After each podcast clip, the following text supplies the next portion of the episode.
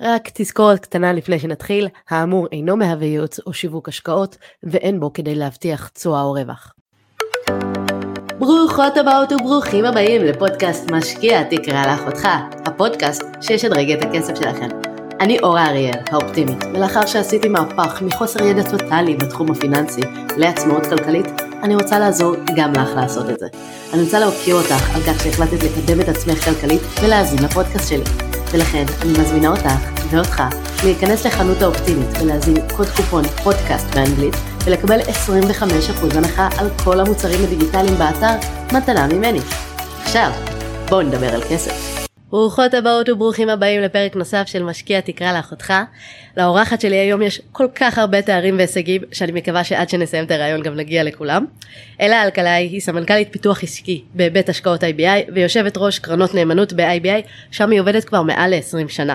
בנוסף לכל אלה היא גם פעילה חברתית ומכהנת כיושבת ראש שדולת הנשים בישראל, יועצת וחברה בצוות הישראלי לקידום השקעות אימפקט וחברת הנהלה בעמותת מעלה.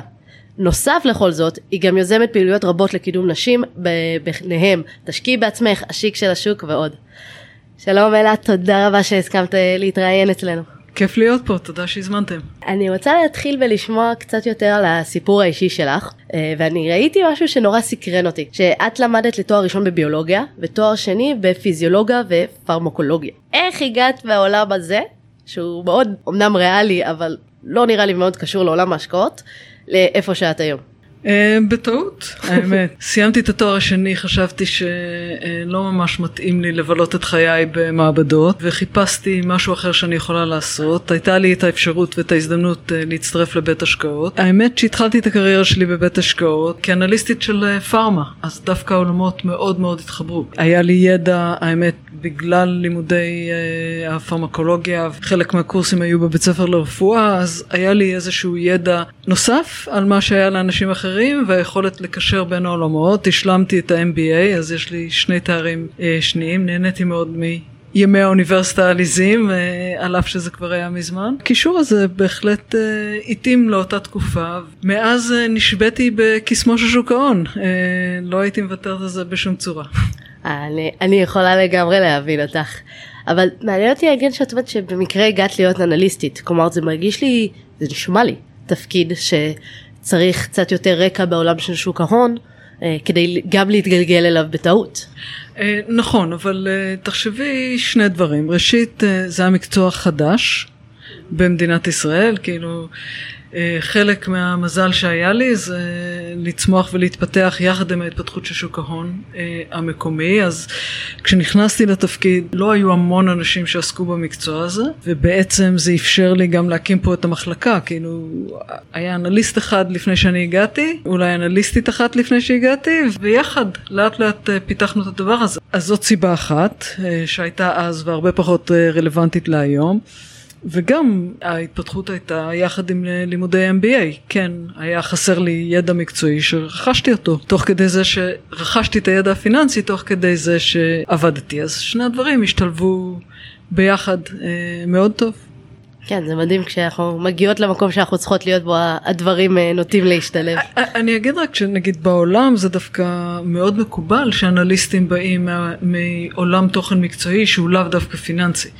זאת אומרת הרבה פעמים אה, הרקע יכול של מישהו שעוסק בביומד יכול להיות מלימודי פרמקולוגיה או רוקחות אה, יכול להיות אה, מפיזיקה ובקיצור אה, אנשים מגיעים מעולמות תוכן מאוד מגוונים למקצוע הזה של אנליזה אה, כי בסוף אה, דווקא הראייה הכללית יותר הרחבה יותר היא זאת שנדרשת. אז מי שבא רק עם ידע פיננסי הוא ממש לא בהכרח uh, מתאים. אני האמת מסכימה מאוד, כלומר אני מסתכלת על ההשקעות האישיות שלי ואני עשר שנים עבדתי בהייטק ואני מוצאת שבאמת מאוד קל לי עם חברות טכנולוגיה כי אני מכירה את העולם, כי אני עסקתי בו, כי המונחים לא זרים לי uh, ובהחלט הידע הנוסף הזה uh, נותן איזשהו יתרון בניתוח השקעות על פני בן אדם שאין לו את הידע הזה.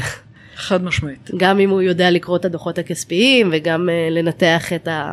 מגמה של הגרפים ו- וכדומה. אני, אני חושבת שהחיבור בין עולמות התוכן הוא מאוד מאוד חשוב לאנליזה או לאנליסטים שהם באמת טובים. מסכימה לחלוטין.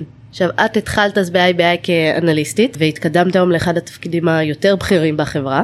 אני אשמח לשמוע קצת יותר על התהליך של ההתקדמות בחברה, אה, של איך מישהי שגם מתחילה בתפקיד שהוא אמנם לא, לא נמוך אבל כן תפקיד שהוא לא ב... לא כסמנכ"לית ואיך מתקדמים לשם. את יודעת, התחלתי לעבוד ב-IBI, היו פה 30-40 עובדים והיום יש למעלה מ-500. אז כשאני אומרת שהתפתחנו התפתחתי אישית והחברה התפתחה יחד עם ההתפתחות של שוק ההון, ז, זאת המשמעות. אז אה, גם בחברות הייטק, הרבה פעמים האנשים הבכירים בחברה הם כאלה שמתחילים לעבוד בה בשלבים מוקדמים של, אה, של ההתפתחות העסקית וצומחים יחד עם החברה, גם מבחינת ההתפתחות האישית שלהם וסוגי התפקידים שהם עושים וגם אה, מבחינת מה הם יודעים לעשות אחרי 30 שנה אה, בחברה, יכול להיות שרכשתי ידע שיש אה, לאנשים שיש להם את הוותק אה, ואת הרקע דומים, אבל קשה מאוד לייצר את הניסיון הזה אם לא באים מבפנים. בהחלט, אבל עדיין אני חושבת שיש הרבה אנשים, ונשים במיוחד, שנשארים הרבה מאוד שנים באותם מקום עבודה. אה, אבל לא מתקדמים בהכרח. יש כן משהו של נאמנות למקום העבודה ויש אנשים שנשארים אה, אה, לאורך זמן אבל לא כולם תמיד נשארים באותו תפקיד. אני חושבת שגם היה משהו רק מעבר לזה שאת היית במקום הנכון בזמן הנכון, היה משהו אישיותי שאת כנראה כן עשית, אולי זה היה הרצון ללמוד, כן האהבה והתשוקה שלך לתחום, או משהו שאת כן עשית שכן גרם לך להתקדם כי עדיין יש אנשים שהרבה זמן באותו מקום עבודה ולא מתקדמים. נכון יש אנשים שרוב אה, עיסוקם הוא לא בעבודה אה, שהחיים שלהם יש אה, הרבה מאוד אה, דברים שקורים ו... ואישיותית מתאים להם, אה, יש לי חברה שהגדירה את זה סביב האולימפיאדה האמת, אנשי אה, עומק ואנשי רוחב. כאילו בן אדם שמסוגל להקדיש את חייו לרוץ 100 מטר יותר מהר מכל בן אדם אחר, הוא בן אדם של עומק, הוא, הוא עושה דבר אחד והוא עושה אותו הכי טוב שאפשר. אה, זו יכולה להיות המעצבת הגרפית כאן, זה יכולה להיות מי שעושה לנו את היחסי ציבור, האנשים בחשבות, בהנהלת חשבונות, בבק אופיס, כאילו, זה אנשים שהם מאוד מאוד פרופסיונליים, מתמקדים בתחום הפעילות שלהם. אני אה, לטוב ולרעה מאנשי הרוחב, אני לא באמת אה, מסוגלת עם אה, הפרעת הקשב שלי כנראה אה, לרוץ 100 מטר יותר טוב מכל אחד אחר, גם כי אני לא טובה בלרוץ, אבל גם כי אני לא טובה בעבודת עומק. היכולת שלי בעבודת רוחב היא הרבה יותר משמעותית ולכן זה אזור הנוחות שלי ולשם התגלגלת. ומן הסתם ככל שאני מתבגרת, מזדקנת, אז אה, היכולת שלי באמת לפעול והרצון שלי לפעול במקום, באזור הנוחות שלי אה, מתגבר, אז שם אני מוצאת את עצמי. מובן לגמרי. זה מצחיק שאת אומרת שיש אנשים שיש להם עוד דברים חוץ מהעבודה, ורק בהקדמה כבר הקראתי עוד המון דברים שאת עשית חוץ מהעבודה, נגיע אליהם בהמשך, אבל אה, בהחלט דברים אה, מאוד מבורכים. האם היו לך איזה שהם אה, אתגרים אה, מיוחדים שאת אה, יכולה לשתף בתהליך של ההתקדמות של הקריירה שלך? כלומר, את היית ממש בשוק ההון מתחילתו.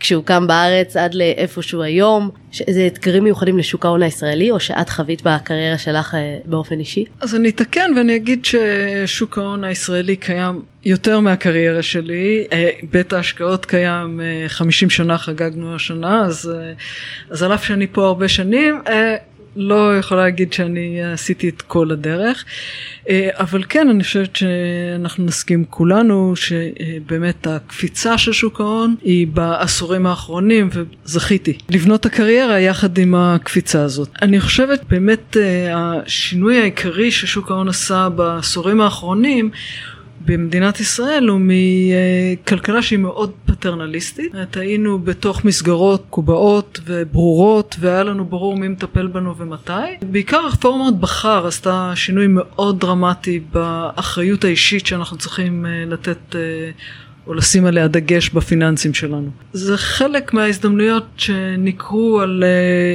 פתחנו גם כחברה וגם זאת אומרת גם כחברה במובן של עסק וגם כחברה במובן של סושיאל. Uh, היום את מכהנת כיושבת ראש קרנות נאמנות ב-IBI. אז אני אשמח שתסבירי למאזינות מהן בדיוק אה, קרנות נאמנות ומה היתרונות שלהם פני מוצרי השקעה אחרים. קרנות נאמנות האמת זה מוצר בעיניי מאוד מעניין. במהות שלו הוא בעצם תיק השקעות רק במקום שהוא אישי אז הוא משותף להרבה מאוד אנשים. זאת אומרת, יש הרבה אנשים שמשקיעים מודל השקעות מסוים באסטרטגיה מסוימת, כל אחת אה, ואחד משקיע קצת, אבל יש מנהל השקעות אחד על, על כל התיק הזה, והוא מנהל את זה בהתאם למדיניות השקעות שפורסמה בתשקיף. זאת אומרת, כולנו יודעים לאיזה מודל אנחנו נכנסים, לאיזה אסטרטגיה אנחנו נכנסות, ומנהל ההשקעות כפוף לחוקי משחק מאוד מאוד ברורים שהוגדרו בתשקיף, וכמובן שהרשות אה, לניירות ערך מפקחת עליהם. האפשרות הזאת, אה, נניח שמתאים לי תיק השקעות שהוא 20% אה, מניות ו-80% אגרות חוב. נניח שזה הפרופיל שלי. אני יכולה לבחור קרן נאמנות שתשקיפית אומרת לנו שכך היא משקיעה. אני יכולה להחליט שבעצם מה אני עושה, במקום לבחור מנהל השקעות אחד שיעשה את החלוקה הזאת, אני בוחרת כל מיני קרנות נאמנות ומרכיבה את התמהיל הזה בעצמי. זאת אומרת, אני אבחר מתוך המאה שקלים שיש לי, אני אבחר 20 קרנות, בכל אחת אני אשים אה, שקל שהן מנייתיות, ו-80 קרנות שמשקיעות באגרות אה, חוב. זאת אומרת, זה, אם אנחנו רוצות לקחת את זה באמת אה, לאקסטרים. רוב האנשים, מה שהם עושים זה או שבאמת בוחרים שתיים שלוש קרנות שהן קרנות 80-20 או בהתאם לאסטרטגיה כן זה יכול להיות קרנות 30-70 או 90-10 או 50-50 תלוי בצרכים הפיננסיים שלי. אז או שאני בוחרת קרנות שמראש בנויות בצורה כזאת ומנוהלות כתיקי השקעות אבל אני מפזרת בין אה, מנהלי השקעות שונים או שאני בוחרת תמהיל של קרנות שמרכיב לי את הרכיב המנייתי ותמהיל אחר של קרנות ש... מרכיב לי את התמהיל של אה, אגרות החוב. ואז זה מאפשר לי אה, גם יותר עניין לטעמי וגם יותר חופש פעולה כי אני יכולה להכניס לכאן כל מיני ניואנסים נניח לך יותר נוח או את מאמינה בעולם של הטכנולוגיה אז את יכולה לבחור קרנות שמשקיעות בטכנולוגיה, את אפילו יכולה לבחור טכנולוגיות מאוד ספציפיות, ומישהי אחרת יכולה לבחור קרנות שמשקיעות באופנה נאמר, קמעונאות. יש המון ניואנסים בתוך הדבר הזה, כל אחת ואחד יכול גם למצוא את עולמות התוכן שמעניינים אותו, וגם את האסטרטגיית השקעות שמתאימה לה. אה, בהחלט, אחד היתרונות הטובים שאני רואה בקרנות נאמנות, בתור מישהי ש... כן יודעת להשקיע ולבחור את המניות שלה בעצמה ופחות רוצה שמישהו אחר ינהל עבורה זה למקומות האלה שאני דווקא לא מכירה. שוב טכנולוגיה אני מכירה אני יודעת לבחור בעצמי אבל אם אני למשל חושבת שסין מקום שיצמח ומשם אולי אה, תגיע ישועה או המזרח אה, באופן כללי או אני רוצה להשקיע בכלל במשהו מאוד ספציפי אה, כמו אנרגיה סולארית זה לא התחום התמחות שלי היופי בעיניי של קרנות נאמנות זה לא רק שהן נותנות את ה-70-30, את ה-80-20, את החלוקה של רק מניות ואגרות חוב, אלא שהן יכולות גם להיות משהו מאוד מאוד ספציפי, וככה אם אני חושבת שאנרגיה סולארית זה העתיד ולשם אנחנו נלך, אנרגיה ירוקה, כל הדברים האלה, אבל אני לא מבינה בזה. מבינה מספיק כדי לדעת לשם העתיד. אני יכולה כן לקחת קרן נאמנות ששם יש איש מקצוע שבהחלט מבין בעולם הזה וככה להיחשף לדברים זה מה שאני אישית אוהבת בקרנות נאמנות. נכון זה, זה גם uh, את יודעת שיושב שם מישהו שעושה את כל המחקר uh, ובוחר שזה סוג אחד של קרנות אבל יש גם את הקרנות הפסיביות. זאת אומרת קרנות שעוקבות אחרי מדדים ואז המדדים יכולים להיות uh, מדדים כלליים כמו 500 החברות הגדולות בארצות הברית אבל הם גם יכולים להיות מאוד ספציפיים. זאת אומרת, זה יכול להיות איזושהי, איזושהי איזשהו מדד שעוקב אחרי חברות הפודטק או חברות האנרגיה הירוקה, האנרגיה המתחדשת. תחום התמחות יכול להיות מאוד מאוד ספציפי, אבל הקרן עדיין תפעל לפי איזושהי נוסחה שמוסכמת מראש ומייצרת אה, מדד שכולנו, בעצם כל אחד יכול לעקוב אחריו. יתרון בלקנות את זה בקרן זה א', שזה חוסך לנו המון פעולות, מישהו אחר עושה את כל הפעולות. שקט נפשי, הוראת קבע, לא צריכה להתעסק עם זה, בהחלט. פיזור הוא מאוד מאוד חשוב, זאת אומרת זה לא שבתי על אה, מניה ספציפית, אלא באמת בתוך התחום של הפודטק, של האנרגיה המתחדשת וכן הלאה, יש מגוון של חברות. כן, בהחלט זה, זה מאפשר באמת אה, חשיפה מאוד יפה, ומשהו שאני שמתי לב, ספציפית ב-IBA יש כל מיני קרנות נאמנות שהן די ייחודיות, שלא יצא לי לראות במקומות אחרים. ואת אה, כיושבת ראש של קרנות נאמנות ב-IBI, אני אשמח אה, לשמוע את התהליך של מאחורי הקלעים. איך מגיעים לבחור קרן נאמנות חדשה? התהליך הוא בדרך כלל, אה, יש לו כמה רכיבים, וזה יכול, התהליך יכול להתחיל מיותר מכיוון אחד. אבל באופן עקרוני אם יש תחום שאנחנו חושבים שהוא הולך להתפתח והולך להיות uh, מעניין בעתיד הנראה לעין אז uh, אנחנו מחפשים או בן אדם, מנהל השקעות, שיש לו איזשהו רקע ספציפי שיכול לנהל את הקרן בהתאם למדיניות שאנחנו מעריכים שתתפתח, או איזשהו עורך מדד שבאמת יש לו מדד אה, שמתייחס לתעשייה הספציפית. אז זה יכול לבוא מהכיוון שלנו, שאנחנו חושבים שזה רעיון מאוד טוב אה, בעתיד הקרוב ולחפש מי יכול לתת לנו מענה טוב לעולם התוכן הזה, אבל רעיון גם יכול לבוא מבחוץ. אה, לא כל החוכמה אצלנו, אה, ומדי פעם מגיעים לפה רעיונות או מיועצים במערכת הבנקאית או מעורכי מדדים שמציעים לנו איזשהו אה, מדד שנראה להם מעניין, אז זה יכול לבוא מהרבה כיוונים, אבל אסטרטגיה שלנו באופן כללי היא להביא מוצרים שאנחנו חושבים שבאמת ייתנו אבני בניין נוחות למי שרוצה לבנות תיק השקעות יותר מגוון, יותר, נגדיר את זה עם תמהיל סיכון סיכוי הכי טוב שאפשר בתקופה הקרובה. פחות להסתכל להסתכל על העבר, פחות מעניין אותי מה היו ביצועים בשנה החולפת, יותר מעניין אותי אה, מה המבט ל-2022, איזה תמהיל של קרנות יאפשר לנו באמת אה, לתת אה, מענה הכי טוב לצרכי השוק. בהחלט מרתק ושוב אני ככה מצהירה כאן בפומבי יש לי מעט מאוד קרנות נאמנות בתיק שלי יש לי אולי שלושה כי זה לא רק ה-70 אחוז אג"ח 30 אחוז מניות אלא באמת יש שם תמהילים שהם יותר מעניינים. ועוד תמהיל שהייתי מאוד רוצה לראות את כיום גם חברה בצוות הישראלי לקידום השקעות אימפקט. את יכולה לפרט מה זה בדיוק השקעות אימפקט? כיצד מקדמים את הנושא הזה בישראל כדי שגם אנחנו נוכל להשקיע בזה, אולי באיזה קרן נאמנות מתישהו. כן, זה בהחלט אה, מאתגר בהיבט הזה של אה, לבנות קרן כזאת, אה, בעיקר כי רוב המכשירים הפיננסיים האלה עדיין לא שכירים, ולכן לציבור הרחב עדיין... בואי נסביר קודם כל מה זה. השקעות אימפקט זה השקעות שיש להן מייצרות גם ערך פיננסי וגם ערך חברתי. יש uh, הרבה מאוד צרכים חברתיים שככל שאנחנו uh, רוצות שתהיה קיימות לפתרון שלהם, במקום שהם ישבו על מקום של פילנטרופיה, ששוב ושוב נצטרך uh, לגייס לזה כסף, לנסות לייצר את הערך החברתי הזה, אז ככל שאפשר לייצר איזשהו מודל אה, פיננסי מעניין, אז, אה, אז יש פה אימפקט, יש פה גם ערך פיננסי וגם ערך חברתי. נורא קל לתת לזה דוגמאות, למשל מהעולם של אנרגיה מתחדשת. אה, אנחנו צריכים, כדור הארץ חייב שנפחית את פליטות הגזי חממה, ולכן ככל שנעבור ליותר אנרגיה מתחדשת, כנראה שכך אולי נאט, אולי נעצור את ההתחממות הגלובלית. גם מזון, כל התעשייה של הפודטק, מזון אלטרנטיבי הם יוכלו לייצר מוצרים מהחי. בלי החי זה אחד הבקר וכבשים והכל זה אחד הגורמים העיקריים לפליטת גזי חממה. נכון, גם מבחינת אה, כל אה, תהליך הייצור, זאת אומרת כמות שדות התירס והסויה שצריך לייצר בשביל להאכיל פרה מול להאכיל אותנו, כן, היא לא ברת השוואה בכלל. אז כן, גם פודטק, אה, גם דברים שקשורים בטכנולוגיית מים, אה, טיהור שפכים, אספקת אה, מים, דברים שקשורים לבריאות, דברים שקשורים למגדר, למשל אה, גיוון, גם מגדרי וגם גיוון אחר כמובן. הדברים האלה הם צרכים חברתיים, וככל שיש מודל עסקי שמצליח לספק אותם, אז כך טוב לכולם.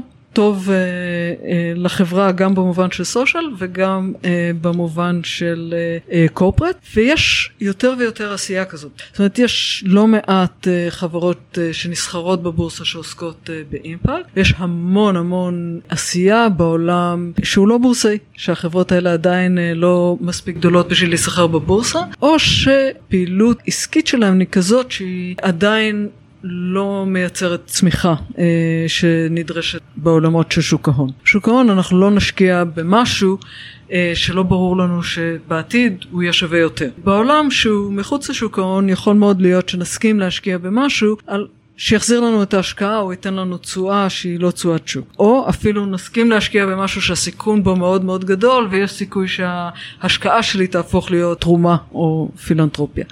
אז יש המון עשייה בעולמות התוכן האלה, ויש יותר ויותר עשייה בעולמות של, שהם גם שכירים, שהם גם שוק הון אה, פרופר. אני אגיד שחלק מהבעייתיות בלהפוך את זה למדד ולהפוך את זה להשקעה שהיא אה, תחת כובע של אה, קרנות נאמנות, זה המציאות שבה מרבית החברות שיש להן אימפקט, האימפקט הוא לא נמדד. זאת אומרת הצד הפיננסי הוא לא נמדד על ידי גוף אובייקטיבי חיצוני.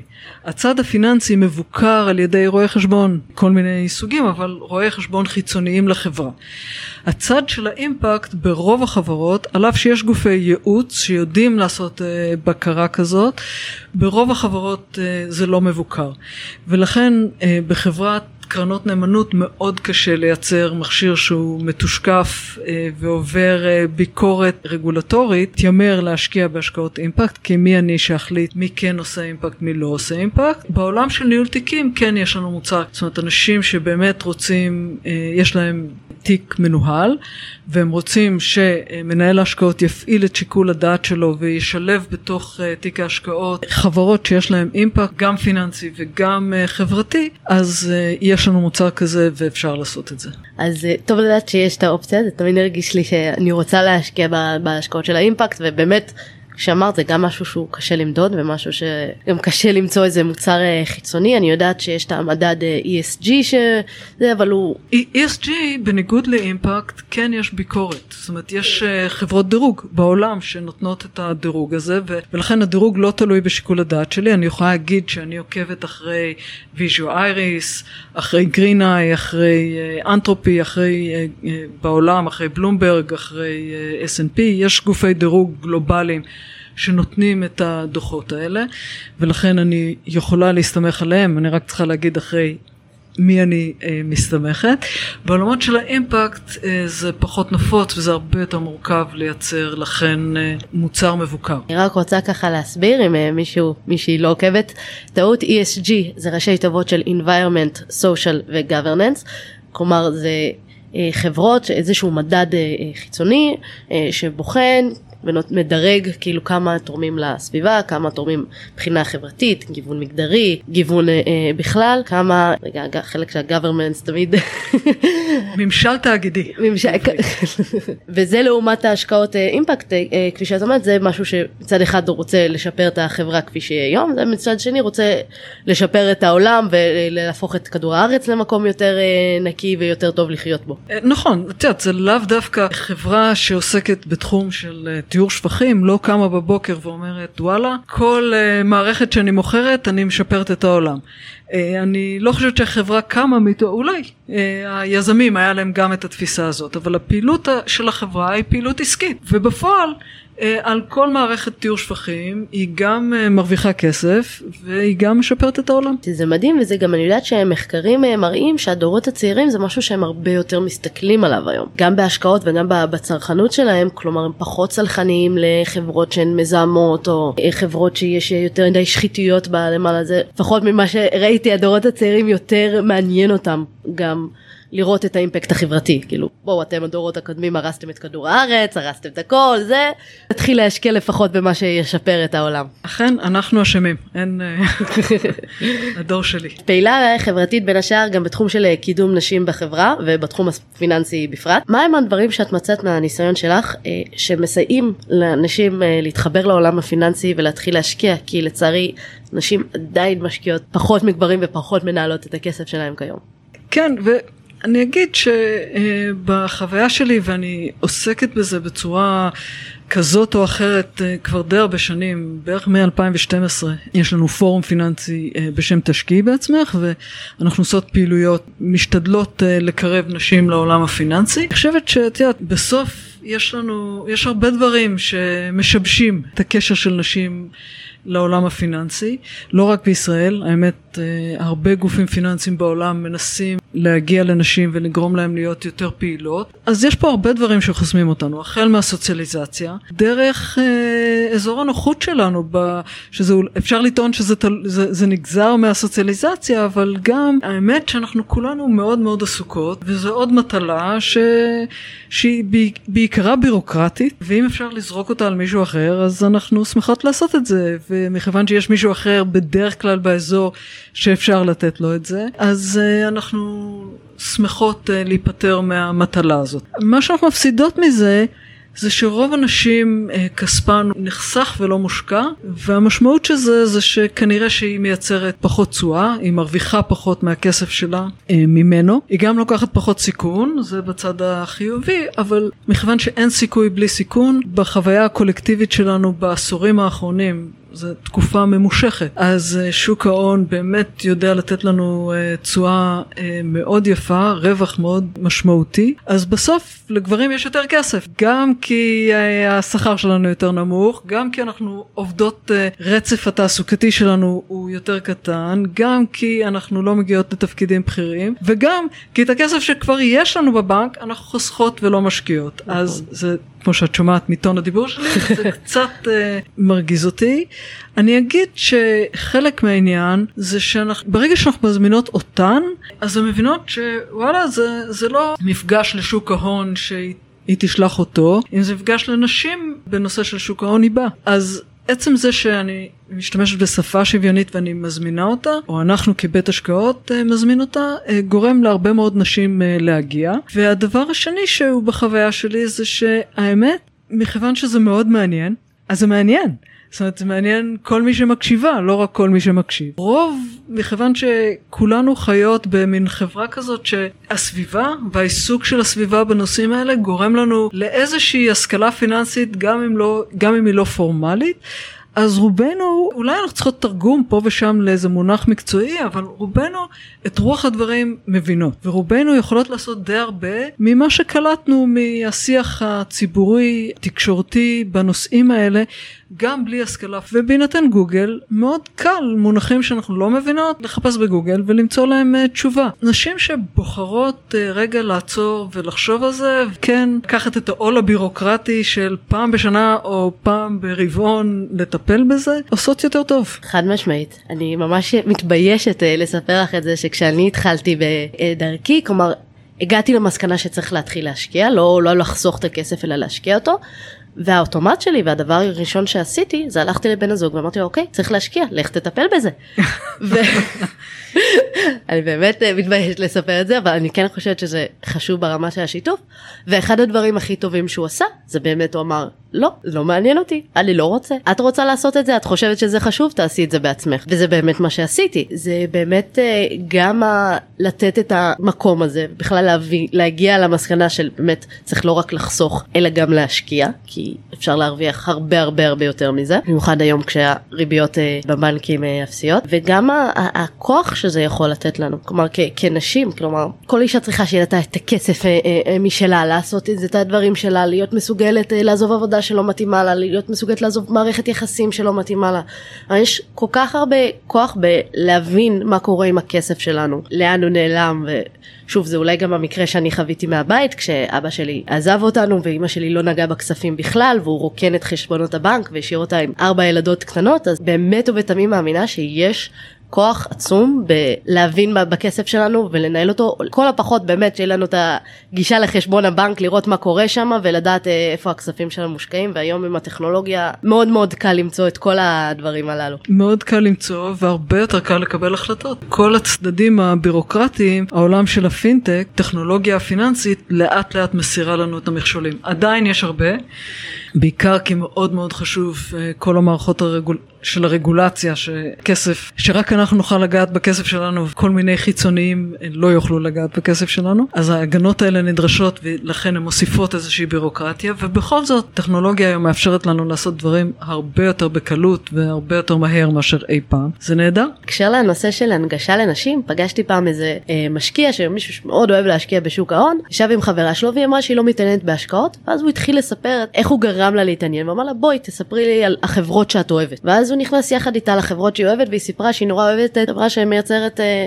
בגדי אה, יוגה ספורט לא זכורה מה היא עושה בדיוק. ואז הם נכנסו לדוחות הכספיים והוא התחיל להראות לה קצת על מה לבדוק מה להסתכל והיא כן התעניינה כי זה הגיע מתוך העולם עניין שלה. ואז הוא אמר שהוא סיפר את זה לנשים שעובדות איתו בעבודה על עצם זה שהיא התחילה להשקיע בחברה והמניה הזאת טסה אל על, אז הן גם התחילו להתעניין בשוק ההון וביקשו ממנו ללמד אותם, כי ההנגשה גם לבוא ולהגיד בוא נלך על התחומים שמעניינים אותנו ספציפית, זה לא חייב להיות רק לשבת לקרוא גרפים ולנתח מספרים, אפשר גם לקחת את העולמות שאנחנו מבינות בהן, ושאנחנו אוהבות, ושאנחנו כצרכניות חושבות שהן חברות מאוד טובות, להתחיל משם ולחקור מה, מהמקום הזה של מה שבאמת מעניין אותנו, נכון. ולא רק מונחים טכניים אה, מש...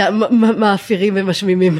וכמו שאמרת קודם, כאילו יש לנו את האופציה בדברים שאנחנו מכירות ושמעניינים אותנו ושאנחנו רוצות קצת אה, לחפור בהם, אנחנו יכולות להשקיע במניות ספציפיות או באגרות חוב ספציפיות, ואיפה שפחות.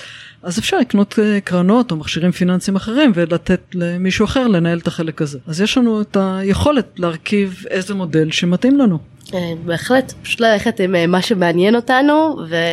להגדיר לעצמנו את המטרות לגבי מה אנחנו רוצות שיהיה בעתיד, כמה כסף שזה יהיה ולזכור שהשקעות זה, זה הכלי שיביא אותנו לשם. אני גם זוכרת בתחילת הדרך ש...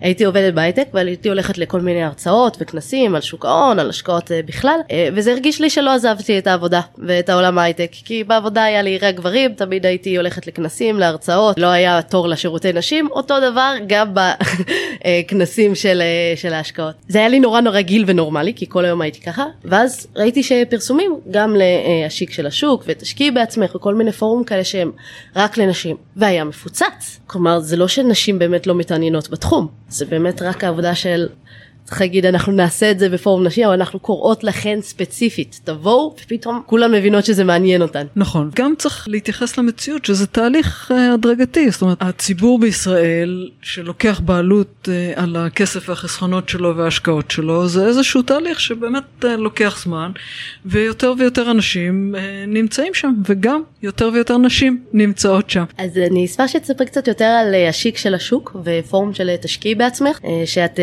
ייסדת. ו... תשקיעי בעצמך זה באמת פעילות של בית ההשקעות IBI שאנחנו מפעילות כבר די הרבה שנים. בעיקר אנחנו אה, מנסות לדבר עם נשים על הפיננסים שלהם וההשקעות שלהם, על המטרות אה, שהן רואות אה, לנגד עיניהן בשנים הקרובות ומנסות ללוות אותם. תהליך הזה של באמת איך לבחור את ההשקעות הכי נכונות עבורן בתוך המטרות שלהן והצרכים שלהן, מציאות סביבנו של מה שהשווקים מאפשרים. זה ברמה של IBI. השיק של השוק זה מיזם אה, קצת יותר אה, מורכב, יש לו הרבה שותפות, החל מהבורסה לניירות ערך שהיא גם הגוף שמארח את האירועים הללו. בדרך כלל יש עוד ארגונים ששותפים במפגש הקרוב, למשל סופרסונס אה, שותפה איתנו בארגון של המפגש, ומי שמדברות במפגשים הללו זה בדרך כלל מנכ"ליות או נשים בכירות בחברות הציבוריות, והן באות ומדברות כמו שהן מדברות במפגשי משקיעים, זאת אומרת הציבור, הנשים שמגיעות למפגש, ויש גם מדי פעם גברים, תלוי בנושא, נשים והגברים שמגיעים למפגשים האלה אה, מקבלים הצגות שמקובלות, שהחברות נוהגות לתת ציבור המשקיעים. במפגש הקרוב אנחנו למשל נעסוק באמת בתעשיית הפודטק, ותבואנה מנכ"ליות, כמה חברות בורסאיות ש... שזה תחום עיסוקן ביום יום שלהן, ותצגנה למשקיעים את פעילות החברות שלהן. נשמע מרתק.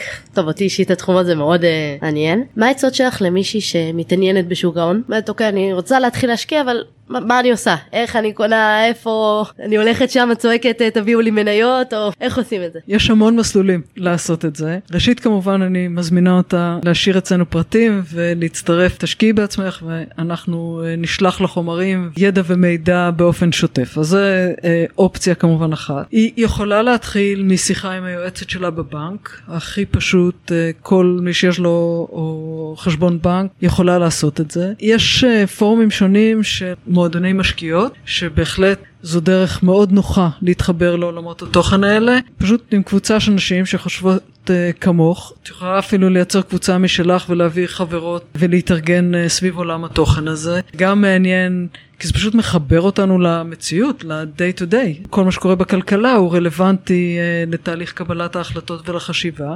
וכמובן שהיא יכולה להזמין אותך או להצטרף uh, לקורסים שלך, שזה גם דרך מאוד נוחה לעשות את זה. בהחלט.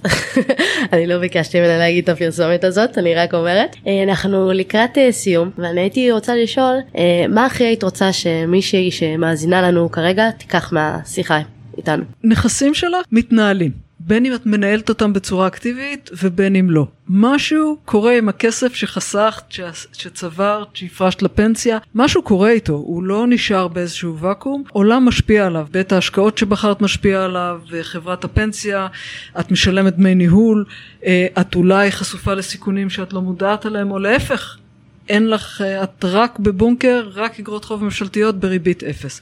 משהו קורה עם הכסף שלך ואת לא שולטת בזה. הדבר הכי פשוט זה תביני רגע מה יש לך, אולי נשמע מסובך, זה אולי נשמע מעייף, אם את לא, אם את לא תשלטי בזה, יקרה לזה כל מיני דברים שאת אה, לא יודעת מה יקרה לזה, והאקראיות במקרה הזה של החסכונות שלך, של העתיד, של הכסף שלך, עדיף לא להשאיר אותו אה, לאקראיות, עדיף אה, לשלוט במה שקורה שם, וכן זה אה, אולי לא נשמע לך מאוד מעניין, אבל ככל שתביני קצת יותר, תביני כמה זה גם, האמת, סופר מעניין.